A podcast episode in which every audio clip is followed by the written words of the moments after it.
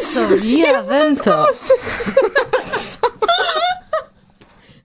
multaj homoj scias pri Esperanto, sed tamen mankas io, ke ili eniru Esperanto-movadon, kaj due, ke ili eniru aktive la Esperanto-movadon, ĉar vi tamen aktivas ne nur prezentante iujn temojn antaŭ la publiko, sed eh, ankaŭ eh, kreante Wikipediajn paĝojn en Esperanto. Uh, yes, sed fakte vere mancas por mi tempo fari uh, cion, cion mi volus fari. Ien estas grandega problemo por mi. Sed fakte mi organizas diversajn aranĝojn, mi klopodas ankaŭ redakti Esperantan Wikipedion kaj mi rekomendas al ĉiuj esperantistoj fari ĉi tion, ĉar mankas redaktoroj en Esperanta Wikipedio kaj skribado de artikoloj por Wikipedio povas esti ankaŭ bona ekzerco dum klubaj kunvenoj ekzemple, ĉu ne? Kiam mi esperantistigis, mi estis en mezlernejo. Do mia pensmaniero pri la mondo estis tuta alia ol nun. Kai fakte instigis min gazeto, kiu estis eldonita tiam, kaj gi nomigis Świat Młodych, kai tie aperis artikoloi pri Esperanto, kai poste estis ciklo, kiu nomigis Kastora Klubo, kai tio vere min interesigis eh, yes kai mi estis ano de tiu castora klubo kai poste mi sercis iun kurson en eh, Katowice. Finfine mi trovis kai en estis la komenco. Kion vi ŝatus diri al esperantistoj kiu aŭskultas nin? Eh, mi volas instigi vin al laboro, sed ne nur tiu kluba laboro. Gi ankaŭ estas tre eh, bezonata evidente, sed mi volas instigi vin al redaktado de Wikipedio, char Wikipedio vere bezonas verkadon, precipe Esperanto Wikipedio. Provu, char fakte gi estas tre agrabla tasko, kai oni ne devas redakti tutajn artikoloin suficias ke oni aldonos iun komon, bezonatan, iun vorton, iun frazon. Jam estas multe por Wikipedio.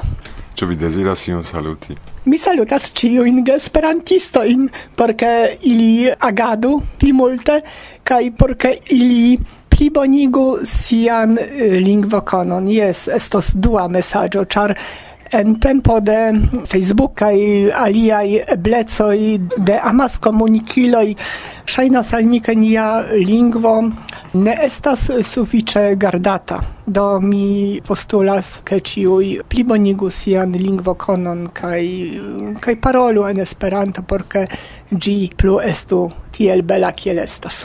Pro tio interalie ekzistas Varsovia vento por ke via lingvokono simple Kresku, kaj pli valoriĝu. Koran dankon pro tiu mikrofona renkontiĝo dum la krakovaj tridek kvaraj krakovaj Esperanto-tagoj. Koran dankon.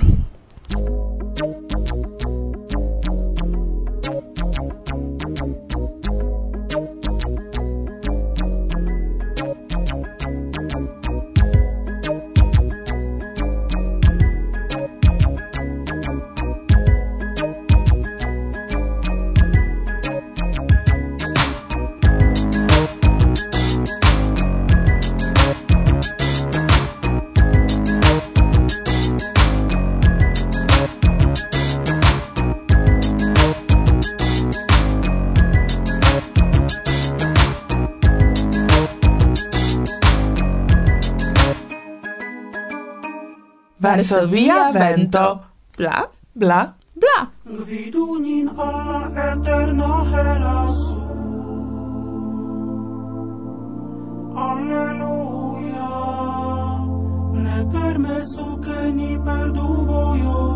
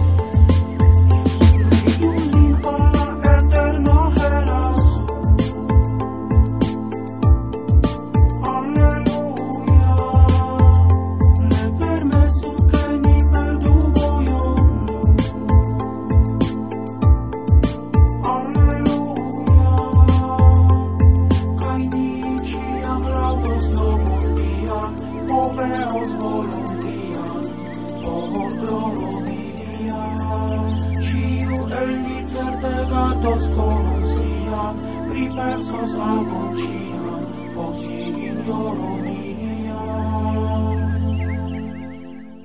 Sendube, multai el interviam stias, che antau nelonge la dudeknaŭan de maio, kun cesto de la pola ministro pri culturo kaj nacia heredajo, okazis en Varsovio solena transdono de la biblioteko Hodler sub protecton de la pola nacia biblioteko.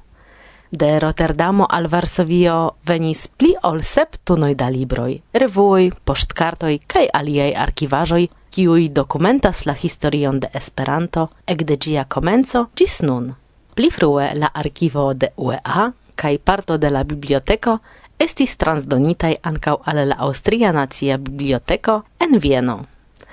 Apud la solena ceremonio sekvis ankaŭ seminario pri signifo de Esperanto kaj la kolekto de Hector Hodler. Kompreneble, ĉar Varsovia vento havas sian ĉefan provizoran studion en Varsovio, dum la ceremonio kaj seminario ne mankis nia mikrofono kaj kamerao, sed prezenti duon tagon en nia elsendo simple ne eblas. Mi elektis por video sonbildojn, kiuj iom rakontos al vi pri signifo de la evento flanke de tiuj, kiuj reprezentis tie nian movadon. Kroman son raporton vi trovos ankaŭ en la najbara podcasto de la Polare Radio fare de Barbara Pietrzak, do amike mi prezentas ligilon ankaŭ al ŝia raporto serĉu ĝin en la priskribo kaj nun mi invitas vin al sonraporto nia. Ĝuu kaj komprenu kion vi ĝuas. Agnieszka.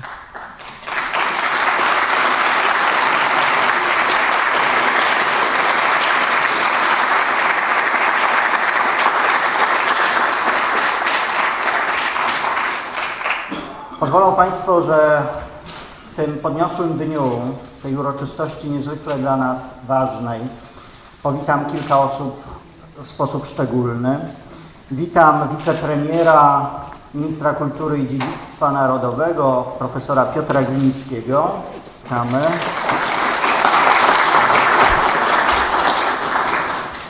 Witam prezesa Universala Esperanto Asocio, profesora Duncana Chartersa.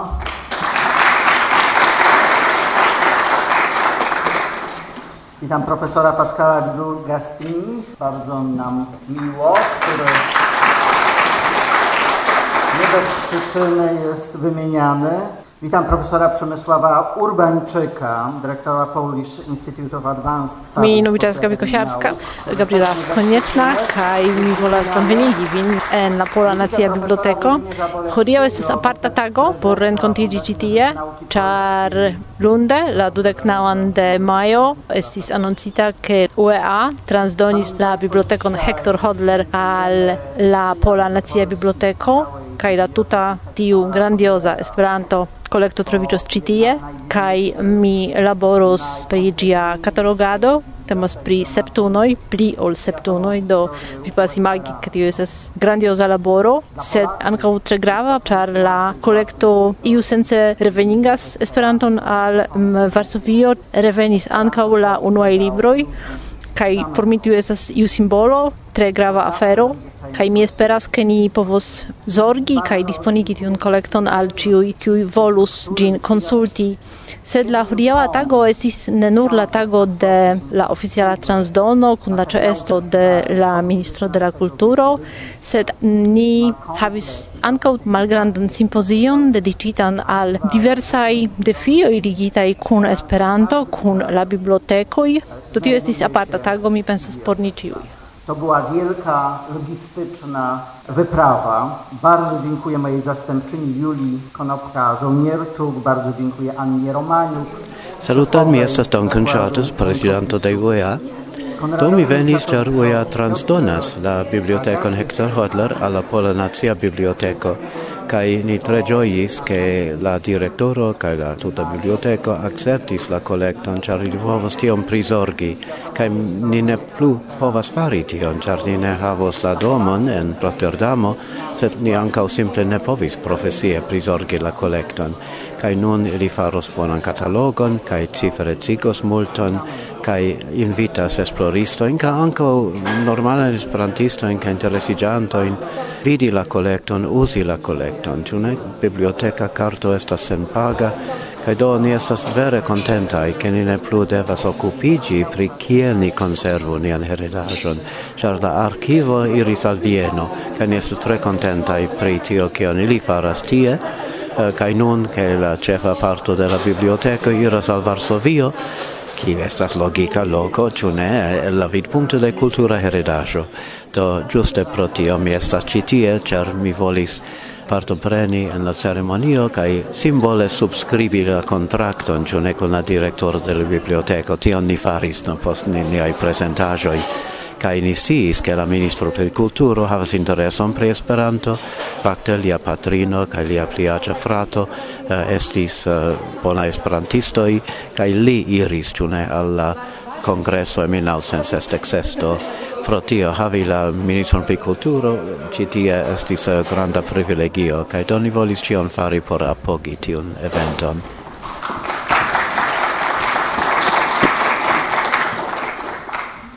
Bardzo proszę o zabranie głosu drugiego gospodarza dzisiejszej uroczystości, profesora Duncana Chartersa, prezesa Universala Esperanto Asocio. Bardzo proszę. Koran dankon. Mi uzas du lingvojn, sed ne la polan. Char mi ne povas lerni ĉiujn lingvojn. I'll be using um, two languages, English and um, Esperanto by request of the library. And I would like to thank very much Director Makowski for his wonderful welcome Pascal Dubourg-Latigny. Hodiaŭ estas iom speciala tago, ĉar estas oficiala transdono de la librokolekto de UEA al uh, Pola Nacia Biblioteko. En la lastaj monatoj estis multaj diskutoj ankaŭ kontaktoj kun diversaj profesiaj bibliotekoj por trovi novan hejmon por la kolekto de UEA. Kai mi fakte kontaktis la Polan Nacian Bibliotekon, kiu tuj kaj tre entuziasme reagis al tiu projekto. Surprize ili acceptis tuj, uh, sen diskute en kelkaj minutoj, kaj efektivigis ĉiujn elpaŝojn en uh, nekredebla rapideco. Do la unuaj kontakto estis en novembro kaj en novembro kaj decembro estis diskuto pri la kontrakto, kiu fakte ege similas al la kontrakto kiun UEA subskribis kun Aŭstra Nacia Biblioteko. Kai en januaro um, la vic direktorino de Pola Biblioteko estis en Rotterdamo, pritaxis la kvanton preskaŭ oktunoj da dokumentoj pritaxis ancao la flanken documentoin, kiun ili fine decidis transpreni, tio estas la objekto, kai ancao iu grisa literaturo kai diversai uh, eh, manuscriptoi kiu devas esti ordigitai donatsoi io estis transdonitai al UEA kai neniam ordigitai Do ili estis en januaro, en uh, marto ili eh, jam eh, efektivigis la transporton, kaj jen, antaŭ unu monato kaj duono ili dungis iun, specife por tiu esper, naskiĝanta Esperanto-fako, kaj komenciĝas la katalogado de tiu enorma kvanto de dokumentoj. Mi faris etan en kondukon al la situacio de eh, archivoi kaj bibliotekoj en Esperanto, kiu celis iomete informi ankaŭ la dungitojn de la eh, biblioteko, cia ili eble nestias pri ĉiuj specifezoi, ĉu de la conservado de tiui documentoi, kiui trovigas en multae landoi, en multae instituciae situazioi tre malsimilai de tio kion oni kutime conas kai do estis iu ma uh, panoramo de tiu situacio kai anka la diversaj defioj por uh, la profesigio uh, eh, de la conservado kai al ier eblezzo uh, de la documento rilate alla generale alla historio de Esperanto.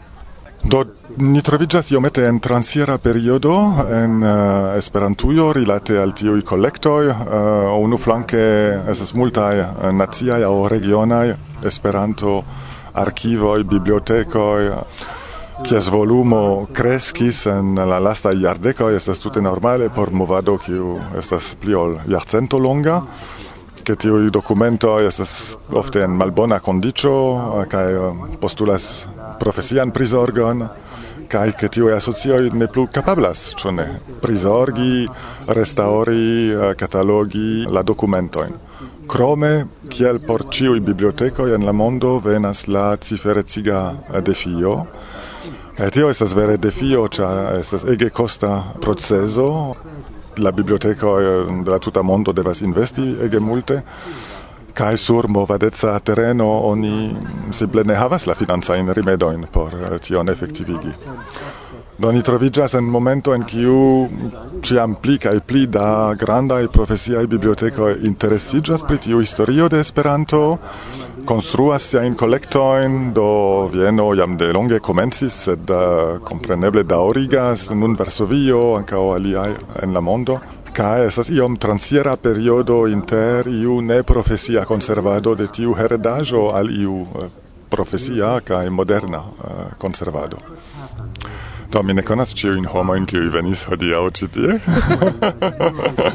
Tiu evento havis evidente oficialan parton kun oficialuloi de la pola registaro kai eh, tio vekis iom da diskutoj kompreneble o tiu evento sed eh, fakte ni multe diskutis kun la direktoro la vicdirektorino de la biblioteko pri tiu aspektoj kaj Do fakte la kolekto ne estas transdonita al la nuna pola registaro, ja fakte ĝi eĉ ne estas transdonita al la pasinta, al la nuna nek al la venonta registaro de Pollando. La la kolekto estas transdonita al la lando de Zamenhof, ĉu ne, kaj al la urbo kie Esperanto estiĝis kaj la tuta pola heredajo kio estas konservata ĉe Pola Nacia Biblioteko atestas pri tre diversa historio de tiu lando kiu fariĝis per diverseco de kulturoj, de etnoj, de lingvoj, de religioj kaj la heredajo kio estas konservata en la Nacia Biblioteko atestas pri la longdaŭreco de tiu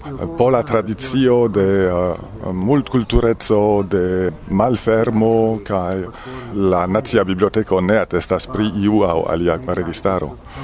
Do eksteroficiale ni havas hodiaŭ vespermanĝon kun Duncan Chatters kaj la direktoro de Nacia Biblioteko kaj la vicdirektorino, ĉar ili deziras diskuti ankaŭ la sekvon, ĉu ne, ĉar ili ne nur transprenas iun uh, mortan ĉevalon, ĉu ne estis ankaŭ la celo de tiu simpozio montri ke homoj interesiĝas pri tiu collecto che estas uh, viva intellecta vivo cerca o ia afero e che tio vecas interesan kai do podia vespere ni discutos anca pri pri la estontezzo kai effettive ni ne povas esti pli contenta ni trovis la plei bonan lokon uh, por tio heredajo tio ni povus imagi.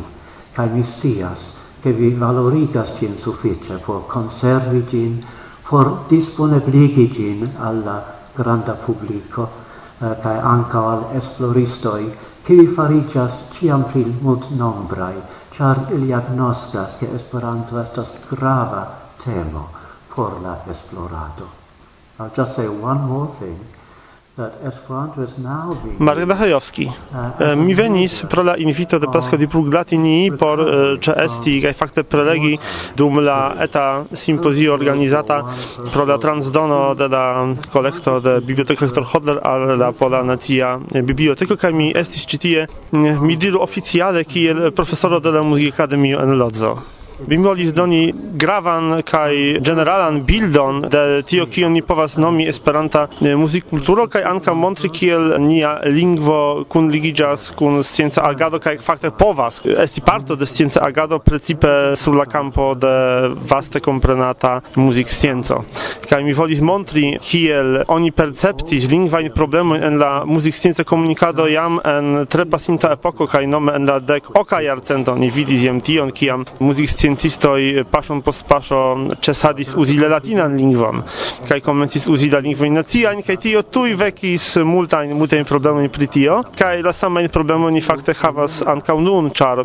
estas tiel ke la samaj muzik muzikterminoj povas esti malsame komprenataj en diversaj lingvoj kio tre malfaciligas interkomunikadon ankał nun tempe inter muziksciencistoj sed tamen ni memoru ke sur la campo de de, de muzikscienco esperanto ankoraŭ preskaŭ ne estis uzato mi trovis nur kelkajn sciencajn artikolojn originale verkitajn en Esperanto kaj tio fakte estis ĉio. Tiel mi volis ankaŭ montri por la aŭskultantaro nian novan ideon kiun ni havas en la akademio en Lodzo nome provi enkonduki Esperanton kiel unu en sciencaj lingvoj de nia akademia scienca revuo. Do ne temas kompreneble pli kvante granda eh, aktiveco kaj estas tre malfacile taksi la rezultojn nun sed tamen eh, estis tute eble ke ni publikigas en ĉiu numero almenaŭ unu tekston eh, en Esperanto. Aŭ originale verkitan en ĝi kun pola traduko aŭ originale en la pola tradukita de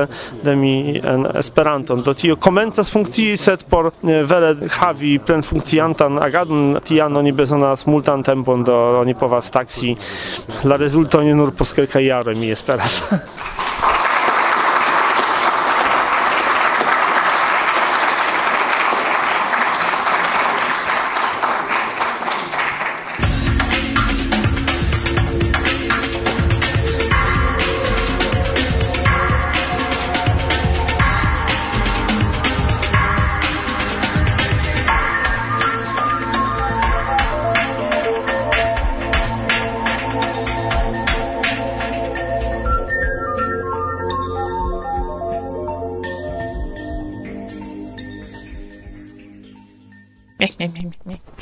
Ejo el Democratia Respubliko de Congo.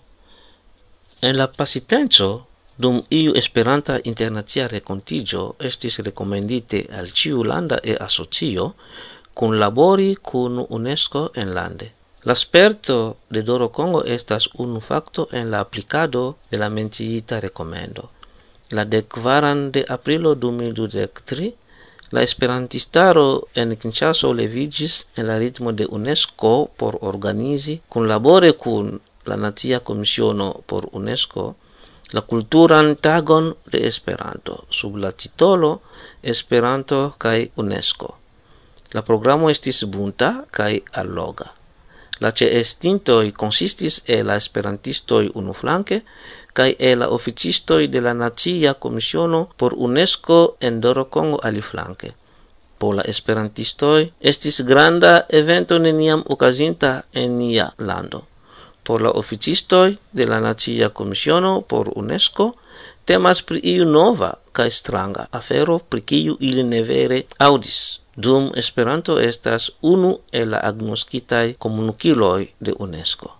du belsona i parolado e i markis la cultura antagon en la cefurbo Kinshasa. La unua presentita de la directorino pri la partenerezzo kai cooperatio de la nazia commissiono por UNESCO en Doro Congo nome Bernardine Esungi a presente la iniziaton si memo regis che inter la conga movado ca sia instanzo la collaboro comencigis de plura iaroi kai havas bonajn rilatoi Nome de la constanta secretario kiu gvidas la nacian komisionon por UNESCO en Doro Congo, si promesis la kompanan subtenon en diversaj projektoj cadre chefe de la e-instruado kai invitis la congan Esperantujon rapide organizi la e-instruadon en la element mezlernejoj aliĝintaj al UNESCO tra la lando.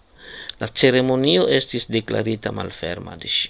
Venis alia allogega momento de la programo, tiu de la parolado de la grave invitito alla evento, nome doctoro Isaias Barreto da Rosa, la alta funkciulo de unuigintai nacioi, cae representanto de UNESCO en Dorocon. Li acceptis nian inviton cae presentigis persone. Dum la parolado li emfase notigis che Esperanto estas grava por UNESCO kai ci lasta ciam ricevas la raportoin kai atentas pri la e agadoi en la mondo.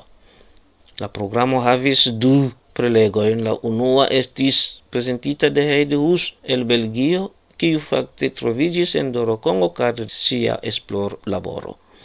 Dum la prelego si parolis pri diversa esperto en sia vivo. Si elmontris la vojon sekvitan de si esperantuie de la esperantigio gis nun signor Emil Malanda, dua preleganto, con esperantisto kaj iniciatinto de la evento. Li prelegis pri Esperanto kaj UNESCO, pri ĉiuj aspektoj kun fontoj, kiu markis la oficialajn rilatojn inter UEA kaj UNESCO de la agnosko pri Esperanto de UNESCO ĝis nun. La konga junularo plibelegis la tag programon per la kanto de la Esperanta himno poste la nacia kantita de ciui. ancau per la declamo de la bella poemo pri amo. Cantis esperante Abel Masiala, partenero de Heidi Hus. Poste granda debato, como la fotigio refresigo expositio de la esperantajoi secvis. Poste venis comunae recomendoi de la parto prenitoi. Trinado de instruistoi. Esperantigo de oficistoi de la Nazia Commissiono por UNESCO. Instruado de Esperanto en lernejoj alĝintaj al UNESCO en Dorokongo. Okazigo de ĉiujara festivalo de Esperanto en Dorokongo, la unua planita en 2024.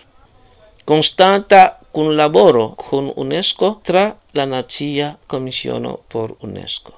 Jen tiel la aspekto de nia agado nun en Demokratia Respubliko de Kongo.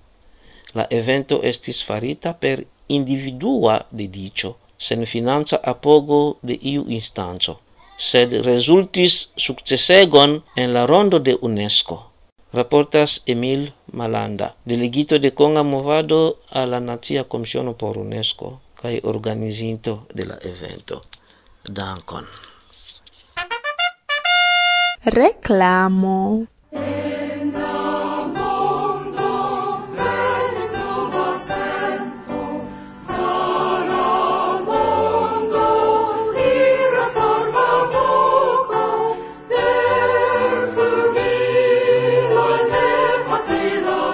サルートン、ニアソツイオエイポア、エスペラントポプラリーガーソツイオ、ラサトリータオルガニーゾデヤパーナシントワレリギーオオモト、フェストス、セントヤリージョン。